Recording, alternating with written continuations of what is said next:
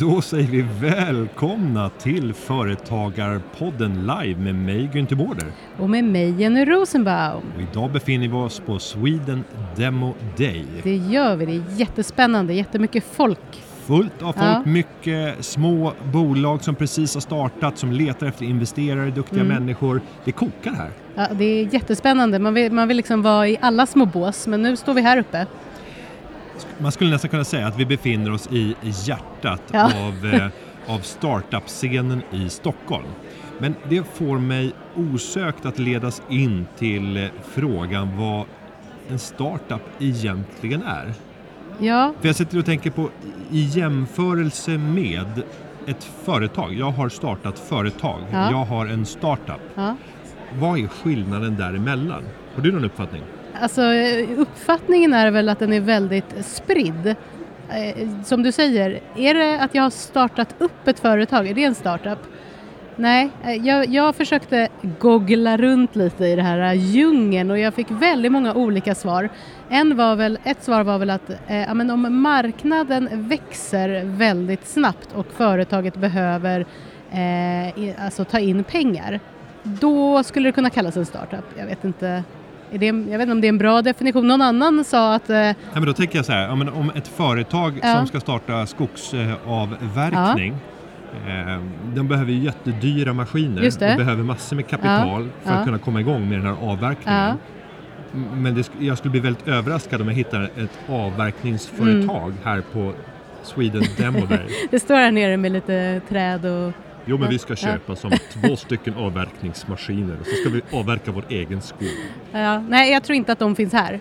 Nej, jag vet inte, någon annan Det är ett företag. Ja, men någon annan, precis, det är ett företag och då kan man ju komma in på vad är skillnaden då?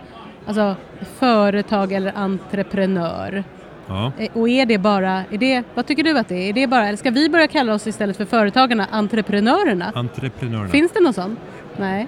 Ja, an, a, entreprenörföretagarna tror Ja, jag finns. ja. Men, men då handlar det om den gamla byggmässiga definitionen. Just det. Alltså att man Ja, gjorde just på det, entreprenad. Ja, nej, det är något Eh, annat. Och då är man en entreprenör, man gör någonting på entreprenad. För nu ska inte jag vara sån, men rent generellt skulle jag kunna säga att entreprenör ibland kan låta lite finare Ja. än företagare, vilket jag tycker är fel. Men visst kan det vara en liten finare klang, så här, jag är entreprenör, Ja, å, ja, jag har det i blodet. Återfallsentreprenör, serieentreprenör. seriemördare. Men jag läste lite olika definitioner. Då står det så här, Ja. innovativt, nystartat företag Ja. som är designat för snabb tillväxt. Ja, Och det är ju kanske inte ett vanligt klassiskt företag. nej. Utan då startar man ju det för att man ser en, en marknad för att göra det man redan kan Mm. och göra det på en marknad som redan finns. Annars så har jag en annan definition som jag gillar. Startup, det är på engelska då. Startup is a state of mind. Ja, det, då känns det helt Den är väldigt, toppen. väldigt väldefinierad och väldigt eh, korrekt. Ja. Ja. Men vi ska, inte, Nej, vi ska inte grotta ner oss för mycket. vi, ska, vi ska inte fastna i det här Nej. utan eh, vi ska säga återigen välkommen till Företagarpodden och för er som lyssnar på den här för första gången, vilket jag tror är rätt många eftersom Mm. det är många deltagare här på Mm. Sweden Demo Day, ska vi säga att Företagarpodden ges ut av organisationen Företagarna. Ja. Den släpps varje onsdag senast. Ibland så kommer en sneak peek Mm. redan på tisdagarna. Oj, oj, oj. Eh, Och vi försöker hjälpa företagare och entreprenörer Mm, och, åh. och startups Och startups också. att bli ja. mer framgångsrika genom att svara på frågor om juridik, om företagsekonomi och allt som hör därtill och även lite nationalekonomi. Ja, men alltså det är, även om man inte har ett, ett företag eller en startup så kan ju eh, våran podd vara av intresse. Ehm, tänka och också förstå hur företagare tänker. Så är det tveklöst. Mm. Men vi kommer att ha två gäster här idag. Den eh, ena kommer senare. Det är vår närings och innovationsminister Mikael Mm. Damberg. Den första ska vi få möta nu. Alldeles strax. Jag tänker att vi ska hoppa en sak först som är din specialitet. Som Ja. vi brukar, ett litet avsnitt vi ibland brukar ha i podden. Och det, vi, vi tar en snabbis men den kallas sparad krona. Ja, Kan spar- inte du förklara lite bara vad sparad krona är och eh, ja. Ha- Hashtag sparad krona är ett sätt att samla goda idéer kring hur man kan spara kronor helt enkelt. Mm. Eh, Slaget om att bli framgångsrik företagare handlar ofta om att hålla i sina kostnader och sen så hitta en bra produkt eller tjänst som man sen kan tjäna pengar på. Mm. Eh, Men det är få framgångsrika entreprenörer som har haft eh, fickor med djupa hål i. Mm. Och där kan man fundera över en sån här dag när Mm. det samlas så många företagare på plats eller så många startups. Vad finns det för möjlighet här att spara kronor? Och vi kan konstatera en sak att eh, vi har kunnat få mängder med gratis dryck Ja, här. ja, någon Kan vi- typ av eh, blåbär och björkdryck. Mycket intressant Vi smak. kan väl ge dem lite reklam. Ja. Den heter Noah, står Ja. det på locket där. Mm. Eh, det- Väldigt trevlig flaska. Och det här kommer ju bli många flaskor över. Mm. Det är en krona pant på dem. Så Mm. att någonstans så finns det ju mängder av sådana här tomflaskor. Ja, eh, vilket då skulle kunna föranleda att man och pantar. samlar upp några innan vi går Ett härifrån. bra tips då det är att ta med barnen så att man slipper att det blir pinsamt. Och så Mm. säger man att de sparar till klasskassan. Ja, eller så, så bara ser man att du tar ner det där pantkvittot i fickan Ja. snabbt som bara den. Eller så får man bara ta, ta en avgift eh, för barnen för att man faktiskt har tagit dem hit Ja. och sen att man kör dem vidare till Mm. pantautomaten Mm. eh, och vidare. Det kan väl, rimlig summa är väl 50-60 procent av, Mm. av intjäningen. Så kan Ja. man fundera över mat. Mm. Eh, Jag har, mat- in, jag har inte, har du ätit något här? För det har inte Ingenting. jag. Jag har inte ätit någon lunch och eh, klockan är över ett nu så Ja. nu börjar, är det snart halv två. Vi börjar bli lite hungrig. Mm. Men eh, det här är inte en typisk så här, Det här är inte branschdag. stället där man kommer bli mätt. Nej, det är inte hit man åker. Nej. Utan då vill man istället komma någon annanstans. Gärna tung industri eller liknande. Tänker du så här- mässa då också? Ja, men när det är Ah, ah. industridagarna. Ja. Mycket gammalt kapital. Då är det ofta liksom tre Mycket rätter gammal till- mat, tung mat. Ja, men det, du vet. En blodröd oxbiff Ja. med, med potatisgratäng, Där blir man mätt. primörer Ja. och rödvinssky. Rejäl husmanskost. Ja, Ja. och, och där, där kan det faktiskt förekomma även att man blir serverad ett bättre vin till, till middagen. Mm. Den här typen av setup, Mm. eh, den förekommer ju väldigt sällan Här gäller det att äta i de innan. här sammanhangen. Eh, ja, här gör man bäst i att, att äta innan, Ja. bara proteinladdad. Mm. Har du reflekterat över något spartips? Du har druckit lite gratis kaffe innan också. Jag tog lite, alltid gratis kaffe innan. Det är gott. Det, det är väldigt gott med gratis kaffe. Det är mycket godare. Men då Mm. har det väl blivit dags Ja, men nu, nu har det blivit dags. att introducera vår första gäst. Ja, Och eh, hon är investment manager på Schibsted Growth där hon investerar i startups att eh, växa.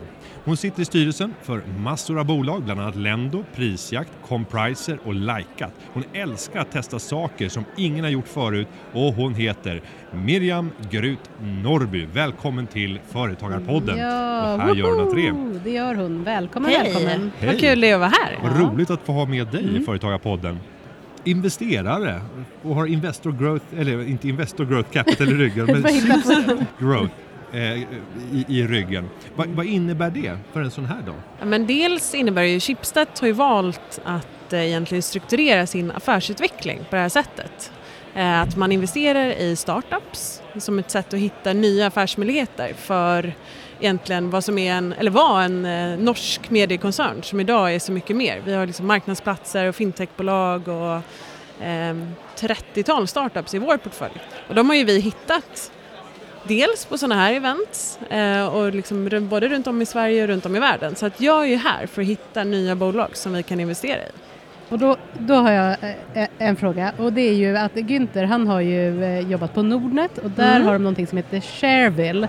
Och det är ju egentligen kortfattat att han har sin aktieportfölj öppen för eh, det offentliga. Vem som helst kan se eh, ja, men i princip allt du gör, eller hur Günther? Det är korrekt. Det är korrekt.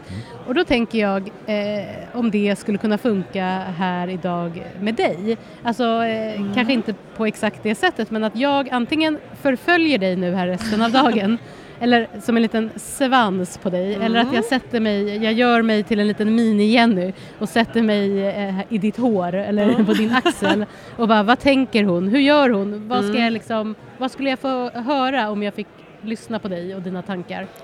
Ja, men dels så tror jag att man, man ska nog separera det här lite kring liksom varför man investerar. Gör man det för finansiell avkastning eh, på en publik marknad som börsen ändå är eller gör man det för, liksom, i ett strategiskt syfte eh, liksom inom ramen för en så här, privat bolagssfär. Nu är vi publiknoterade Mm. men det är ju ändå lite så här affärshemligheter vad vi investerar Mm, i och tänker så. inte. Mm. Så att vissa av de investeringarna vi gör är publika och blir publika medan vissa kanske vi gärna vill hålla lite under radarn så att inte alla våra konkurrenter vet exakt vad vårt nästa steg är.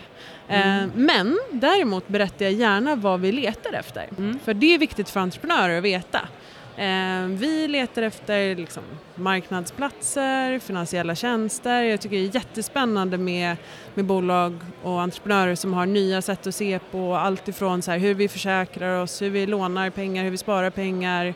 Eh, vad gör man när man blir pensionär och hur sparar man till pensionen på bästa sätt och så Jag bara prata med Günther, han har många idéer. Ja, Ja. det har men, Mm. men det skulle vara intressant att veta också hur mycket av era investeringar handlar om att det måste passa in i den struktur som ni har byggt. För att ni har ju på ett skickligt sätt kunnat använda den gamla medievärlden.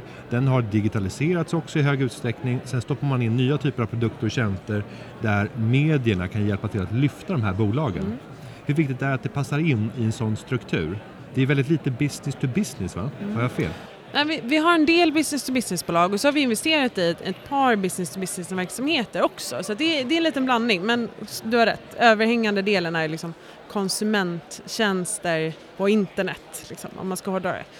Eh, men jag tror att det finns två delar där. Det ena är ju att såklart om vi kan hjälpa ett bolag att bli bättre och större och mer framgångsrikt tack vare att vi är de vi är eller att vi har andra bolag i portföljen, då är det ju jättebra.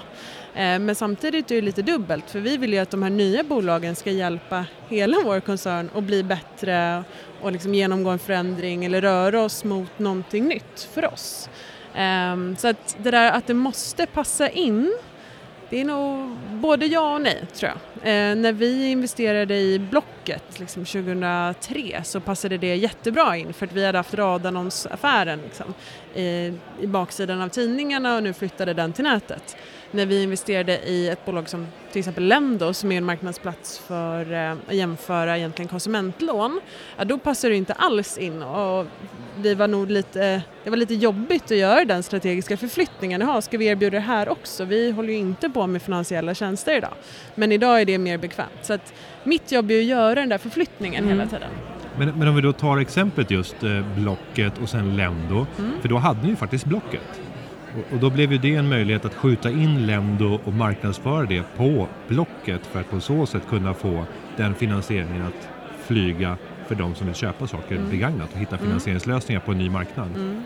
Eh, Så det föder väl, varje nytt företag föder väl mängder med nya möjligheter att kunna bygga det här hängnet som man ska komma innanför. Absolut. Nej, men, och vi ser ju gärna liksom, Schibsted och vår koncern som ett ekosystem där bolagen blir bättre av att vara i samma familj. Och det låter lite så här flummigt, men. Eh, men om man hårdrar det så är det ju liksom om vi kan erbjuda de som använder våra tjänster liksom smartare och bättre användarupplevelser tack vare att vi har fler bolag, då, liksom, då har vi lyckats. Eh, sen så finns det ju case där, där vi har provat saker och kanske inte gått lika bra men då får man tänka om. Liksom. Så vi provar oss fram hela tiden. Nu investerar ju du Schibsteds pengar, men jag sitter och funderar över för och nackdelar med att vara liksom en tjänsteman som investerar jämfört med de som man kommer möta i flera affärer.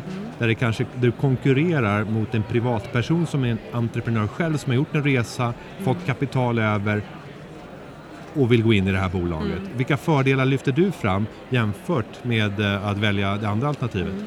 Ja, men dels så tror jag, jag är ju entreprenör själv. Jag har startat tre bolag, eh, sålt ett, eh, konkursat ett och det tredje lever fortfarande men går inte jättebra. Liksom. Eh, Vad är det för att- bolag? Det, kan det är en lång Det är en lång story, historia, det är en lång okej. story. men det är Mm. teknikbolag Mm, framförallt. Så liksom inom samma sektor där jag Ja. investerar nu, software as a service och liksom digitala tjänster. Eh, så det gör ju att eftersom jag har tagit in pengar själv till egna bolag så vet jag exakt hur det är att sitta på andra sidan bordet. Eh, Eh, och jag vet vilken liksom, berg och dalbana det är att driva ett eget bolag och vara VD. Liksom. Det är inte lätt. Och när man lyckas så känns det jättebra och när det går dåligt så ja, känns det riktigt jobbigt. Liksom. Så fördelen för mig nu när jag investerar är att jag kan ju sätta mig in i hur det, här, hur det känns att vara entreprenör och då tror jag också att även om inte jag har alla svaren så kan jag hjälpa de bolagen vi investerar i. Så här, men ta den här genvägen eller gör inte det där för det har jag provat och det gick inget bra eller Mm. det har de här andra bolagen provat och det gick inget bra. Eh, och i vårt team så alla har den här entreprenöriella erfarenheten. Eh, alla har någon gång liksom drivit eget bolag, varit ansvariga för en sån här produkt eller tjänst. Så att jag tror att det är lite så här, profilen när man som entreprenör, jag brukar så här vända på det, men eh, om man är entreprenör så måste man ju titta på vilken typ av investerare kan ge mig den hjälpen jag behöver. Eh, och lite beroende på vilket stadie man är i. Så ibland är det kanske en affärsängel som har erfarenheten eller liksom vill lära sig mer, har kapital att skjuta in i ett tidigt skede, vågar ta mer risk. Eh, eller så är det en strategisk investerare som Schibsted som har och där är ju då så fördelen med att vara en del av en större organisation. Vi har ju ganska mycket hjälp vi kan erbjuda de bolagen vi investerar i. Eh, både när det gäller liksom allt ifrån, vi pratade om det lite innan här, men så här, eh, oavsett om det är marknadsföring eller om det är HR, till exempel personalfrågor, men hur löser man det här? Juridik, eh, compliance liksom. Så att vi kan göra mycket mer för bolagen. Och jag funderar på om det även lockar för din del att få göra privata investeringar i de bolagen som ni väljer ut. Det måste vara frestande när man själv är en entreprenör och själv ser potentialen att få göra vad man inom finansvärlden kallar en parallellinvestering och få göra samma investering privat som bolaget gör. Har du den möjligheten? Ja, men jag tror att dels så, om man säger så här, mitt tidigare liv innan Schibsted så gjorde jag en del investeringar liksom, i startupbolag. Och nu har jag förmånen att jag jobbar på Schibsted som har anställt mig just för att jag är bra på de här sakerna. Eh, så jag får ju möjligheten att liksom, med hjälp av Schibsted-koncernen göra de här investeringarna jag vill göra ändå. Så att det skulle bli, jag tror det skulle bli väldigt konstigt om man hade en sån struktur där man, man tillät liksom tjänstemän att göra parallellinvesteringar. För att alla investeringar jag tror på, de gör ju vi på Schibsted. Och, liksom, och när det går bra för de här bolagen, då går det bra för mig, så går det bra för vår koncern. Så att, att jag skulle göra någon sån här parallellgrej tror inte jag skulle, det skulle Men- inte vara så uppskattat. Men det blir skulle du vara inte lite sugen konstigt. på det då? Nej men jag, mitt incitament ligger ju i att så här, investera, hitta de bästa bolagen för oss att investera i och hjälpa dem att lyckas. Och då liksom blir entreprenörerna framgångsrika, tjänar mycket pengar och vi blir framgångsrika. Och vilka, Och i slutändan blir jag framgångsrik. Liksom. och vilka är de bästa bolagen att investera i? Vad är det liksom, finns det någon röd tråd? Ja, nej men jag tror att dels, så här lite klyschigt också, men man är kanske inte bättre än sin senaste investering. Så att jag, man kan inte liksom riktigt så här rida på den här vågen att vi gjorde Blocket för tio år sedan. Nu handlar det om att hitta nästa Blocket eller nästa Lendo eller nästa prisjakt. Så att för mig är de, så här, de spännande grejerna är de som ligger långt fram, de som vi inte har gjort än. Eh, De som vi konkurrerar om här idag. Eh, Vi var ju på en eh, lite så här investerar-VIP-lunch här innan med Mikael Damberg och så konstaterade vi att i det rummet så var det liksom dubbelt så många investerare som det var entreprenörer inbjudna till den här lunchen. Och då känner man ju konkurrens och då måste ju, då tror jag, det gillar jag när rollerna blir lite omvända så att det är liksom vi som investerare som konkurrerar om entreprenörerna istället för tvärtom. Eh, oftast sitter ju investerarna lite på här, sina höga hästar och så här, men kom till oss, pitcha för oss. Jag gillar när det blir omvända roller, när vi verkligen kan, här, vi får pitcha för entreprenörerna istället. Så om jag sitter på din axel nu här när du går härifrån snart, vad är mantrat? Vad säger du? Nej, men jag brukar försöka fråga alla entreprenörer jag träffar, oavsett om det är aktuellt för oss att investera i dem eller inte, vad kan jag göra för dig? Alltså, om, även om jag inte är aktuell som investerare i just det bolaget, finns det någon jag kan presentera dig för eller behöver du råd, tips kring någonting? Så att man lämnar ett möte med lite fler svar än, än frågor. Liksom. Och vad är det bästa svaret om du säger liksom, vad, kan, vad kan jag göra för dig? Vad är ett svar som du vill höra? Men det beror, det beror ju helt på vad, vad du vill ha hjälp med. Vad vill du ha hjälp med? Vad kan jag Ja, göra det för är så dig? mycket Miriam, det är så mycket. Men om vi tar, vi ska alldeles strax eh, få in Mikael Damberg här i eh, studion. Och då har jag en avslutande fråga till dig och det är att om du fick önska en sak som han som näringsminister skulle se till att lösa för att förbättra förut- förutsättningarna för startups i Sverige. Vilken är just den förändringen som behövs? Det är en bra fråga och det finns ju väldigt mycket. Eh, men nej, jag måste ändå säga att jag, jag har jobbat i stora, liksom ett stort amerikanskt bolag eh, där man har, och i många stora amerikanska techbolag så har man som liksom modell för att skapa lojalitet och eh, retention hos anställda och så vidare, att man ger optioner och ägarandelar i bolag. Och det är en möjlighet som, som till ganska stor del är begränsad för oss i svenska bolag. Så jag skulle säga optionsfrågan är den allra viktigaste. Och där kan vi väl avsluta med att tillägga att eh, han har ju faktiskt under sin tid lagt fram en utredning rörande optioner men där jag tror att branschen som helhet är rådande överens om att det här är inte tillräckligt. Så mer på optionsfrågan. Mer på optionsfrågan och jag tror att det finns ju, startup-communityt har ju ganska mycket förslag på hur man kan göra det där. Eh, Sub46 som jag sitter i liksom en advisory board för och ett gäng eldsjälar från communityt har ju till och med tagit fram så här, det svenska startup-manifestet. Där finns jättemycket bra konkreta förslag på vad man kan göra. Så att om eh, herr Damberg inte har läst det än så får han kolla där en gång till. Det får vi dubbelkolla. Mm. Ja, Miriam, jättekul att få ha med dig i Företagarpodden. Jag Ja. hoppas att vi eh, kommer att göra roliga saker tillsammans ja men i absolut. framtiden. Ja. Du hade ju lite idéer där som Ja. vi får prata mer om. Eh, Och så så får vi prata mer om vilka bolag Ja, men, som... exakt. Ja, bra. Så vi säger stort tack, Tack för att så du kom hit under Sweden Demo Day. Mm. Ja, Ut så och leta nu, ut och leta. Jaga, jaga. Och då har det blivit dags för oss att introducera nästa gäst. Eh, och det är eh, ingen mindre än eh, vår alldeles egna näringsminister i Sverige. Han är även innovationsminister. Och jag tittar bort Mm. över mot honom och ger ett klartecken. Ja. Och genom en lätt vink så Väldigt lätt vink. säger vi att eh, Sveriges närings och innovationsminister välkomnas till Företagarpodden. Vi är redan Mm. live. Ja, vi är Tack, live. ni är Ja. ofantligt proffsiga när ni står här. Alltså, ja. Eh, det ser ut lite grann som så här Musikhjälpen 2 eller någonting. Men det är det vi egentligen vill Lite va? så, fast mer entreprenörskap. Ja. Jag måste börja eh, med att fråga dig. Nu är vi på Sweden Demo Day. Det är Mm. fullproppat med startups. Varför är det här en viktig arena för dig som eh, näringsminister?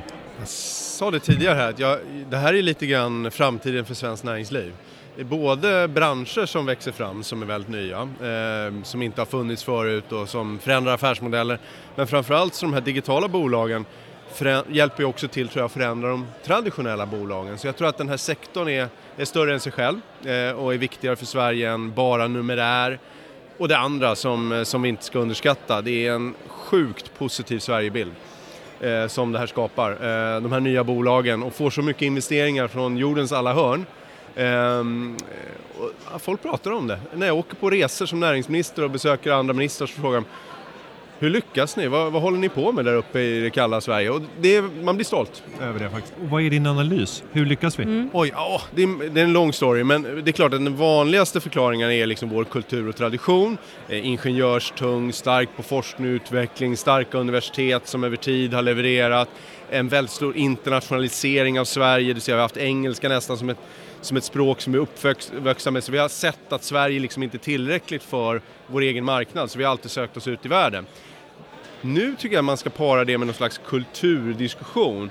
Att vi i Sverige har, jag brukar säga att vi har till och med en jämlikhet och en samarbetskultur som är ganska unik i världen. Att medarbetare faktiskt får säga åt chefen att han har fel, eh, att vi borde göra så här istället och att man måste, de flesta av de här nya affärsmodellerna bygger väldigt mycket på samarbeten, lite otraditionellt. Och vi är ju, liksom, vi är ju världsmästare på lagarbeten och samarbeten. Liksom sen, och det, det är väldigt modernt i dagens moderna ekonomi. Så att, så att den kulturella delen tror jag spelar roll också faktiskt. Men om vi tittar på vad politiken kan göra för det här företagsklimatet och att stimulera för att få fler företag att vilja starta upp och innovativa idéer, gärna med liksom teknik som grund. Vad kan politiken göra? Det är klart att politiken har en roll men de flesta företag tänker ju inte på politik varje dag utan de kör sin business, de har fullt upptagna med att utveckla sin produkt eller en tjänst, få tag i finansiering, rekrytera personal. Liksom de, de flesta av de här nystartade bolagen tänker inte på politik som liksom förutsättning för deras verksamhet framöver. Men det är klart att de allmänna förutsättningarna spelar jättestor roll och det, det jag har valt att fokusera på vid sidan om mega mega att svensk ekonomi går väldigt bra, vi har hög tillväxt, att folk vågar konsumera och investera. Det spelar ju jättestor roll i, i Sverige. Men det andra är att titta på de här nystartade bolagen, vilka problem är det de ofta möter? Då är det finansiering, få tag i kapital för att kunna växa. Det är frågan om kompetensförsörjning, att man får tag i rätt människor till sig och att man kommer i, i ett sammanhang och ett nätverk som spelar väldigt stor roll. Och där kan offentliga faktiskt spela roll, både genom statligt riskkapital, genom lånefinansiering, genom utbyggda utbildningsinsatser eller göra det lättare att rekrytera folk från andra länder som är en hyggligt het fråga just nu. Eh, eller frågan om eh, Science Park eller eh, inkubatorer, sådana här miljöer som ofta är lite offentligt stimulerade som gör att de här bolagen får en lättare resa framåt. Vad är viktigast för dig då? För nu nämnde du ganska många olika saker. Vad är jag- det, liksom det absolut viktigaste?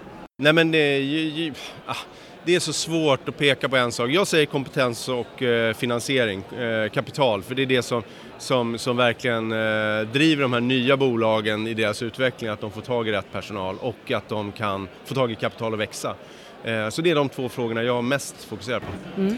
Och när, när vi träffas i allsköns sammanhang, vilket är rätt ofta, så tycker jag alltid att det är en, eh, en glädje att få sitta och höra dina idéer och vad du vill göra. Men sen är det den här utmaningen med det parlamentariska läget, eh, med att det är svårt att kunna få ihop en majoritet om man inte söker sig vänsterut och tar stöd. Eh, och där uppfattar jag att det finns mer liksom företagarfientliga krafter där man inte tror på marknadsekonomi. Hur frustrerande är det här läget för dig som näringsminister? Men jag tror så här att eh, det politiska systemet har inte riktigt vaknat upp än. Eh, för att i normala fall skulle jag vilja säga, historiskt sett, i det här parlamentariska läget skulle vi haft mera blocköverskridande samarbete. Vi hade kanske haft en, till och med en blocköverskridande regering därför att det är så knepigt att få ihop majoritet just nu. Så det vore det naturliga. Men på något sätt har vi liksom inte kommit upp ur de där dikena än, där det ena gänget sitter på ena sidan, det andra gänget sitter på andra sidan. Det är lite omoget tycker jag, det svenska politiska systemet, att inte ha kommit längre. Eh, men eh, så jag tycker att eh, då politiken om möjligast konst, man måste se att vi är en minoritetsregering, vi måste få stöd i parlamentet för vår politik och då måste man också söka samarbete. Eh, och visar det sig att eh, de borgerliga säger att vi måste ha budgetsamarbete med Vänsterpartiet, vilket de borgerliga partierna säger idag, vilket är lite märkligt, då har vi budgetsamarbete med, med Vänsterpartiet och, och, då blir det en del kompromisser kring en del frågor som kanske alla i näringslivet inte älskar. Mm. Mm. Och om vi skulle gå vidare till den här dagen, Sweden Demo Day. Du ska alldeles strax få inviga, du har ätit en lunch med lite investerare och entreprenörer innan. Hur disponerar du ditt besök eh, under ett sånt här sammanhang där du får möjligheten att möta väldigt många svenska entreprenörer?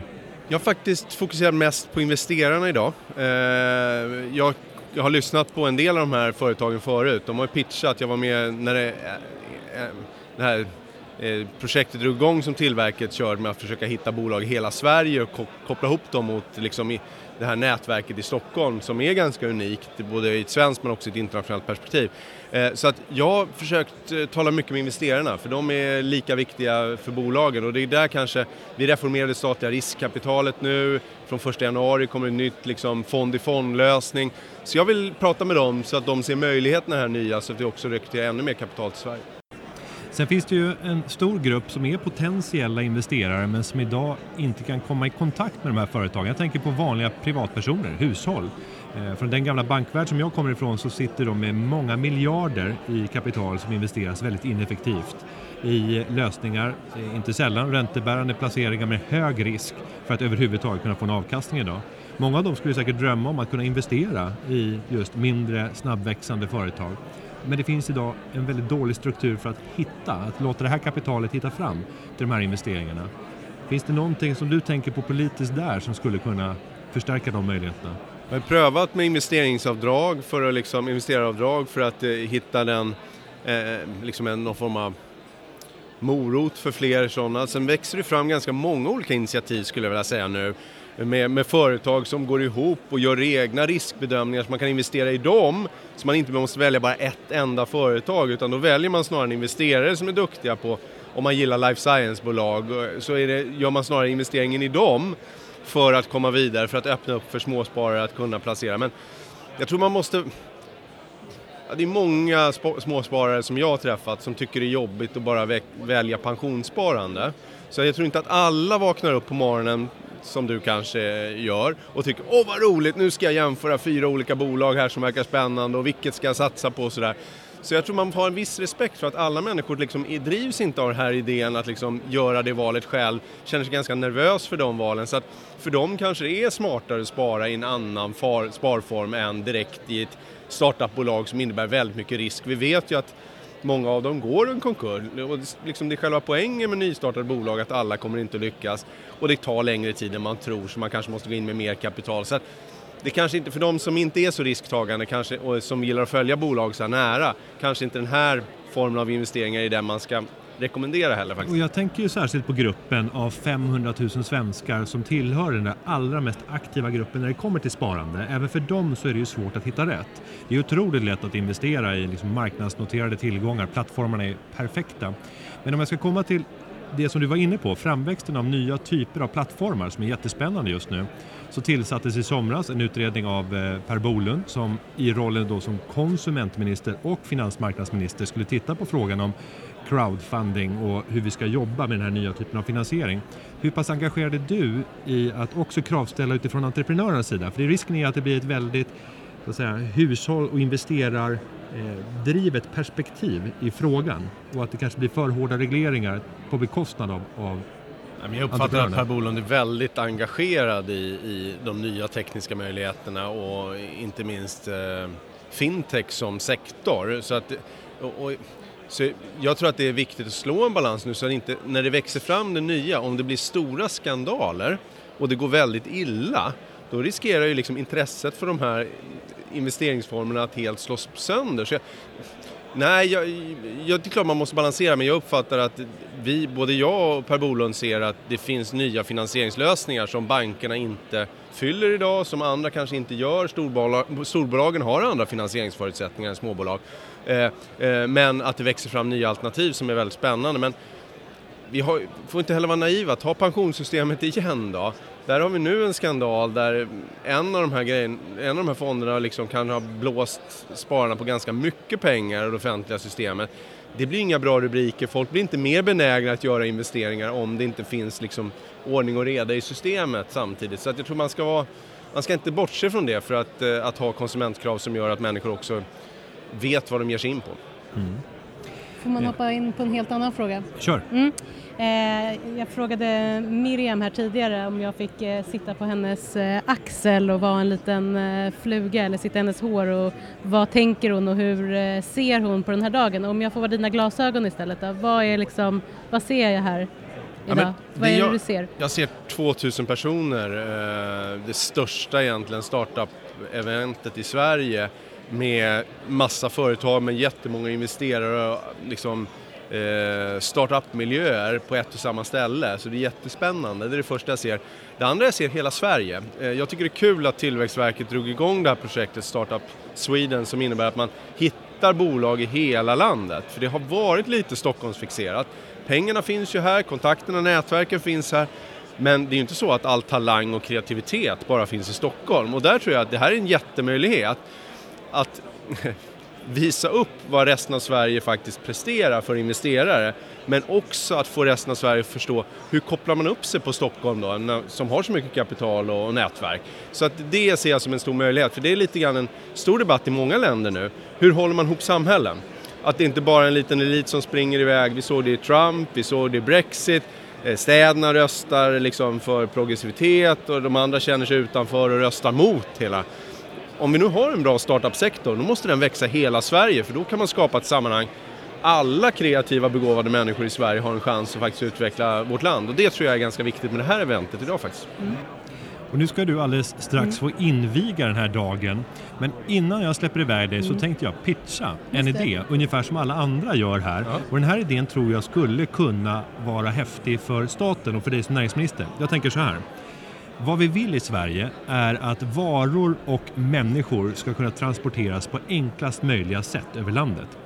Idag så hämmas det av att det är ett fåtal starka aktörer som folk känner till. Och det gör det svårt för en ny liten aktör att kunna bryta in på området om man ser att det finns en liten lucka på marknaden. Nu kommer idén. Vi skapar en digital plattform där alla transportaktörer, oavsett om det är människor eller varor, kommer in på en och samma digital plattform där du kan söka på alla typer av transporter i det här digitala gränssnittet för att just underlätta och kunna öka tillväxten när varor och människor kan röra sig snabbare. Och det här borde också ligga i, i statens intresse att få till stånd det här eh, och allra helst inom hela Europa så att vi skulle kunna få en inre marknad och en digital plattform för det här. Men om vi börjar i ett svenskt perspektiv, hur skulle vi kunna förlösa eller liksom se till att någonting sånt här kommer till stånd och överhuvudtaget är det intressant tycker du som näringsminister? För, bara för, att, ja, men för att bara hoppa in, alltså det här kallas hisspitchen i våran podd och då är det tanken att du här nu som näringsminister och innovationsminister ska hissa eller dissa Günthers enligt honom briljanta idé. Lite, lite spännande att se om han fortsätter på Företagarna eller om han lämnar för att förverkliga den här det idén. Vet, det, det, vet man, det får man se. Det, får man se. Så här, Eh, Eh, jag tror att det finns en marknad för den typen av att koppla ihop olika transla, tra, transportslag med varandra och skapa mer av erbjudanden. För jag tror många människor får boka var och en resan och vet inte exakt vad som är optimalt. Jag tror att det kommer växa fram den här typen av produkter framöver. Det är faktiskt så att i, i, i, i regeringens innovationsråd diskuterar vi framtidens transporter. Och en av spaningarna var där att den här typen av digitala plattformar inte riktigt finns där idag, men att den skulle effektivisera resandet ganska ordentligt. Så jag tror att det finns en marknadspotential för detta. Eh, jag tror att det växer fram över tid, frågan hur snabbt det går. Jag tror inte det kommer börja på Europanivå. Jag tror att det kommer vara något land som eh, kommer, eller någon region som verkligen får det att funka och sen kommer det att växa framöver. Kanske med Günther då som Nej, men ledare. det jag vill komma åt, anledningen till att jag ställer den här frågan till dig, det är ju att här skulle ju faktiskt det offentliga kunna engagera sig. Det är ju en infrastrukturfråga som är kritisk för landet om man tänker att skapa just den här digitala plattformen. Det är inte givet att en privat aktör skulle få med sig SJ och SAS på att tycka att det här är en briljant idé. För det är naturligtvis så att det kommer att konkurrera mot, mot deras affär i hög utsträckning. Men det som, eh, det som staten och samhället kan göra, jag är inte säker på att vi ska bygga den här typen av applösningar från statens sida. Jag förstår att det, det kan verka lockande. Eh, men däremot att ställa krav på standarder och hur offentlig information eller publik information ska formuleras och finnas tillgänglig gör ju att man kan bygga affärsmodeller på det. Eh, och det är en trend som jag tror vi kommer se väldigt mycket mer av framöver. Där samhället de facto ställer tuffare krav på, på olika operatörer eller eh, aktörer att eh, öppna upp sina data för att kunna bygga affärsmodeller framöver. Och vi har skickat ut utmaningen till våra lyssnare att eh, utvärdera. För både du och jag Mikael har lite för mycket på våra agendor för att vi ska skrida till verket just den här frågan. Men eh, om ni tycker att det låter spännande, kom till oss och, och säg vad behöver ni, eller hur? Vi, I, I alla fall kom till Günther. Jag kom till Günther, det här är lite din Ja, baby vill jag säga. Nu försöker du dra in mig i det här så att jag är någon slags co-founder av det här. självklart så ställer jag och Micke upp, det är inga problem. Nej, det är inga konstigheter. Det finns här. Eh, med det så ska du få gå och förbereda dig för invigningen av Swedish, Sweden Demo Day. Och vi säger stort tack för att du har gästat Företagarpodden. Tack, Tack så mycket. tack för att fick komma. Hej! Tack. Tackar, tackar. Hej. Och vi ska fortsätta Ja, och avsluta med eh, några frågor. För Företagarpodden baseras ju på de frågor som eh, lyssnarna skickar in. Och hur skickar man in dem? Jo, men de kan man skicka in via Instagram eller via Twitter med hashtaggen Företagarpodden. Man kan även gå in på företagarpodden.se. Där har vi ett formulär där man kan skriva sin fråga eller ställa sin fråga. Och eh, vi vill mer än gärna ha mycket frågor och det har vi fått. Mm. Ska jag börja läsa den första frågan? Ja, men gör det. Henrik från Skurup. Jag är precis i startgroparna med att starta ett bolag.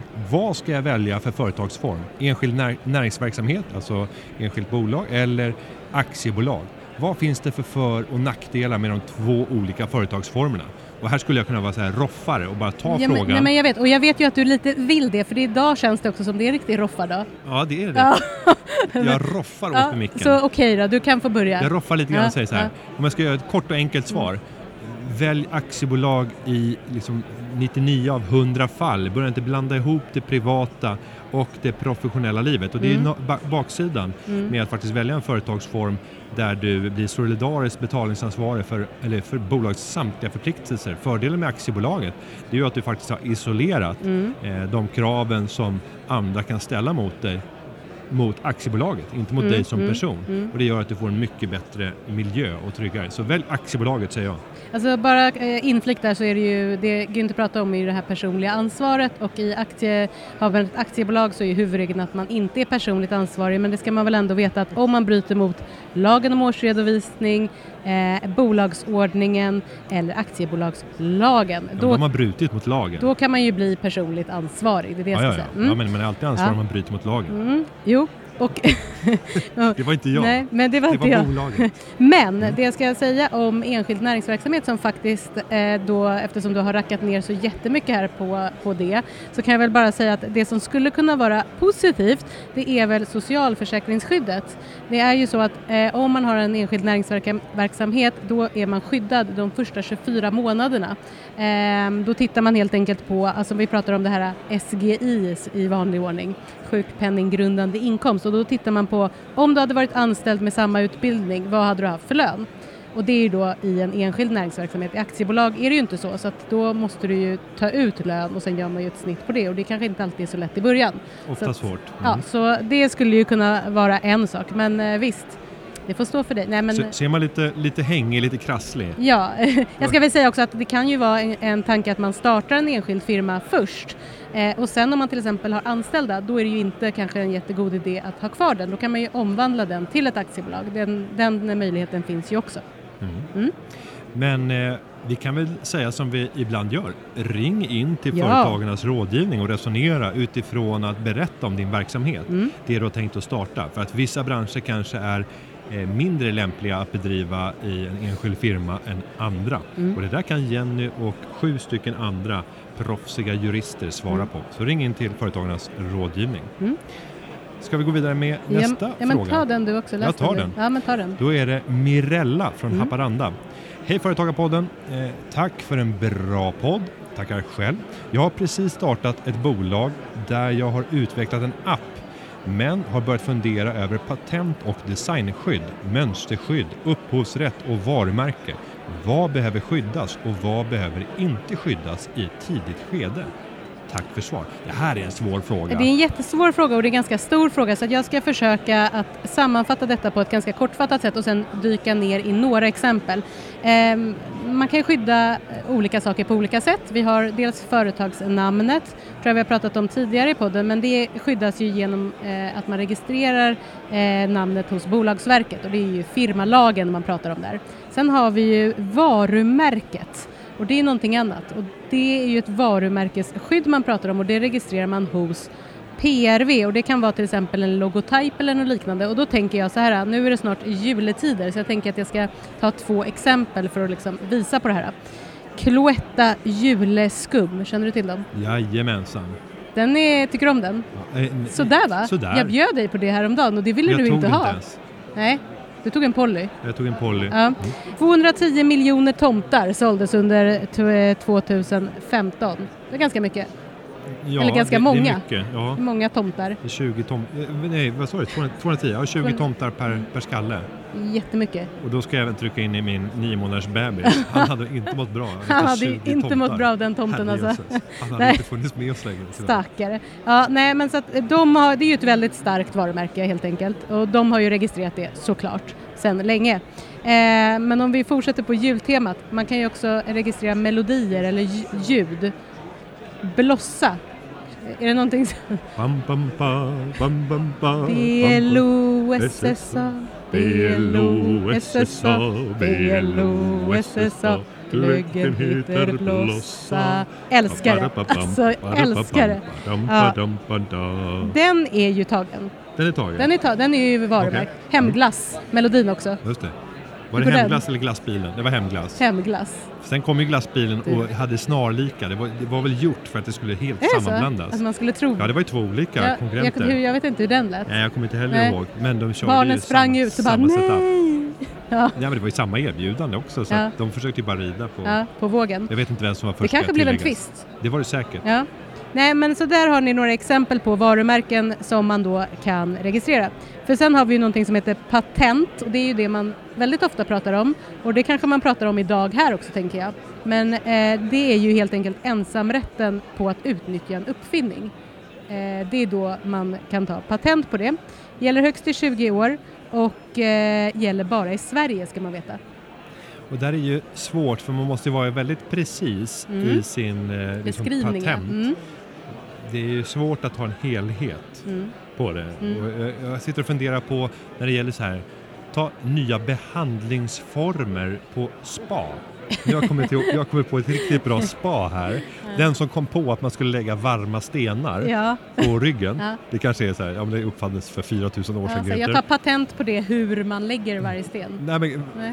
det är väldigt komplicerat. Okej. Alltså, det är, mycket, men är det inte mycket lättare när det faktiskt är någonting maskinellt, när man kan skicka Jo. in ritningarna och det här är någonting nytt. Och, Jo, för frågan är hur man gör, hur man skulle se att det är en uppfinning att lägga den här stenen då. Ja. Nu har vi lite pupp-pupp-rö. ja, nu börjar Nej, nu det invigningen här. här. Nu ska Mikael prata. Ja, nej, men om vi fortsätter vidare då så har vi design och mönsterskydd. Det är till exempel på appar. Det är ju ganska trendigt just nu att skapa appar och då kanske man ska faktiskt ta eh, skydd för det. Sen har vi domännamn. Eh, de kan man ju också skydda och det man kan veta där är att de även kan upphävas. Då vänder man sig till något som heter IIS, Internetstiftelsen i Sverige. Eh, där kan man registrera alla adresser som är .se och .nu. Så det var lite information. Och sen så eh, sist men inte minst upphovsrätten och det är ju att man skyddar konstnärliga verk eh, och de skyddas till 70 år efter upphovsrätten är död och det är ett automatiskt skydd.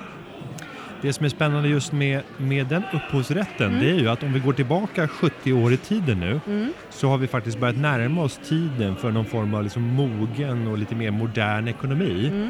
där mycket häftigt har producerats. Oavsett om det gäller, om vi tar musik till exempel. Ja, och tänk dig då när man kommer in, Mm.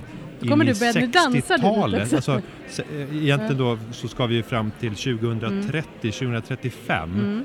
Eh, Då det börjar bli lite, som så här, lite Beatles. Men vid det Ja. laget så kommer ju Elvis Presleys alla grejer ha kommit ut. Det, Det kan mycket som kan hända. ja, det här kan bli spännande för det har ju varit en explosionsartad utveckling på Ja. Mm. just det här medieområdet om vi då tittar på alla medier och allting som hör där till. Det där kan vara en affärsidé att förbereda sig för. Är man ung idag, hur Mm. Man kan man sätter sig rida och på vågen? gruvar på det i många år. Man bara gör en plan för Ja. Mm. exakt när släpps upphovsrätten för olika saker för att då vara först ut med ja, omproducerade saker som kan eh, bli Ja, nej, kommersiellt men det är en tanke. Det är en tanke. Så kan man Ehm, tänka. Mm, Det blev en hisspitch till här. det blev en hisspitch till. Ja, precis. Men återigen här, eh, ring in till rådgivningen Mm. Ja. och eh, så kan du få svar på mer precisa frågor om det gäller någonting särskilt i ditt bolag. Mm. Ja, med det Jenny, Det Så- liksom känns som att tiden bara flög iväg. det gjorde ju det. Ja. Och jag har varit en roffare här i Du har programmet. roffat ganska mycket men jag, det är okej. Det är okej, Ja. jag är förlåten. Ja, du får- Men, men med det så ska vi väl säga att vi rundar av här från mässan och eh, vi återkommer som vanligt nästa Mm. vi. vecka. Vi sänder under hela julen ska också tilläggas. Mm. Absolut. Varje onsdag Mm. oaktat eh, lov och ledigheter och, och liknande. Det överlåter vi åt andra att Precis. fira. Semester inget för oss. Nej. Nej. Och eh, då får vi säga att den här podcasten har eh, spelats in och nu kan vi ski- slänga in lite andra. Ja. Eh, Peder Jonsson, lite Amanda Svensson har, har gjort det här. Sen kommer den att klippas av eh, Gustav Dalesjö. Med det så säger vi vi hörs nästa vecka. Det gör vi. Tack och Och hej! hej. Företagarna, ja,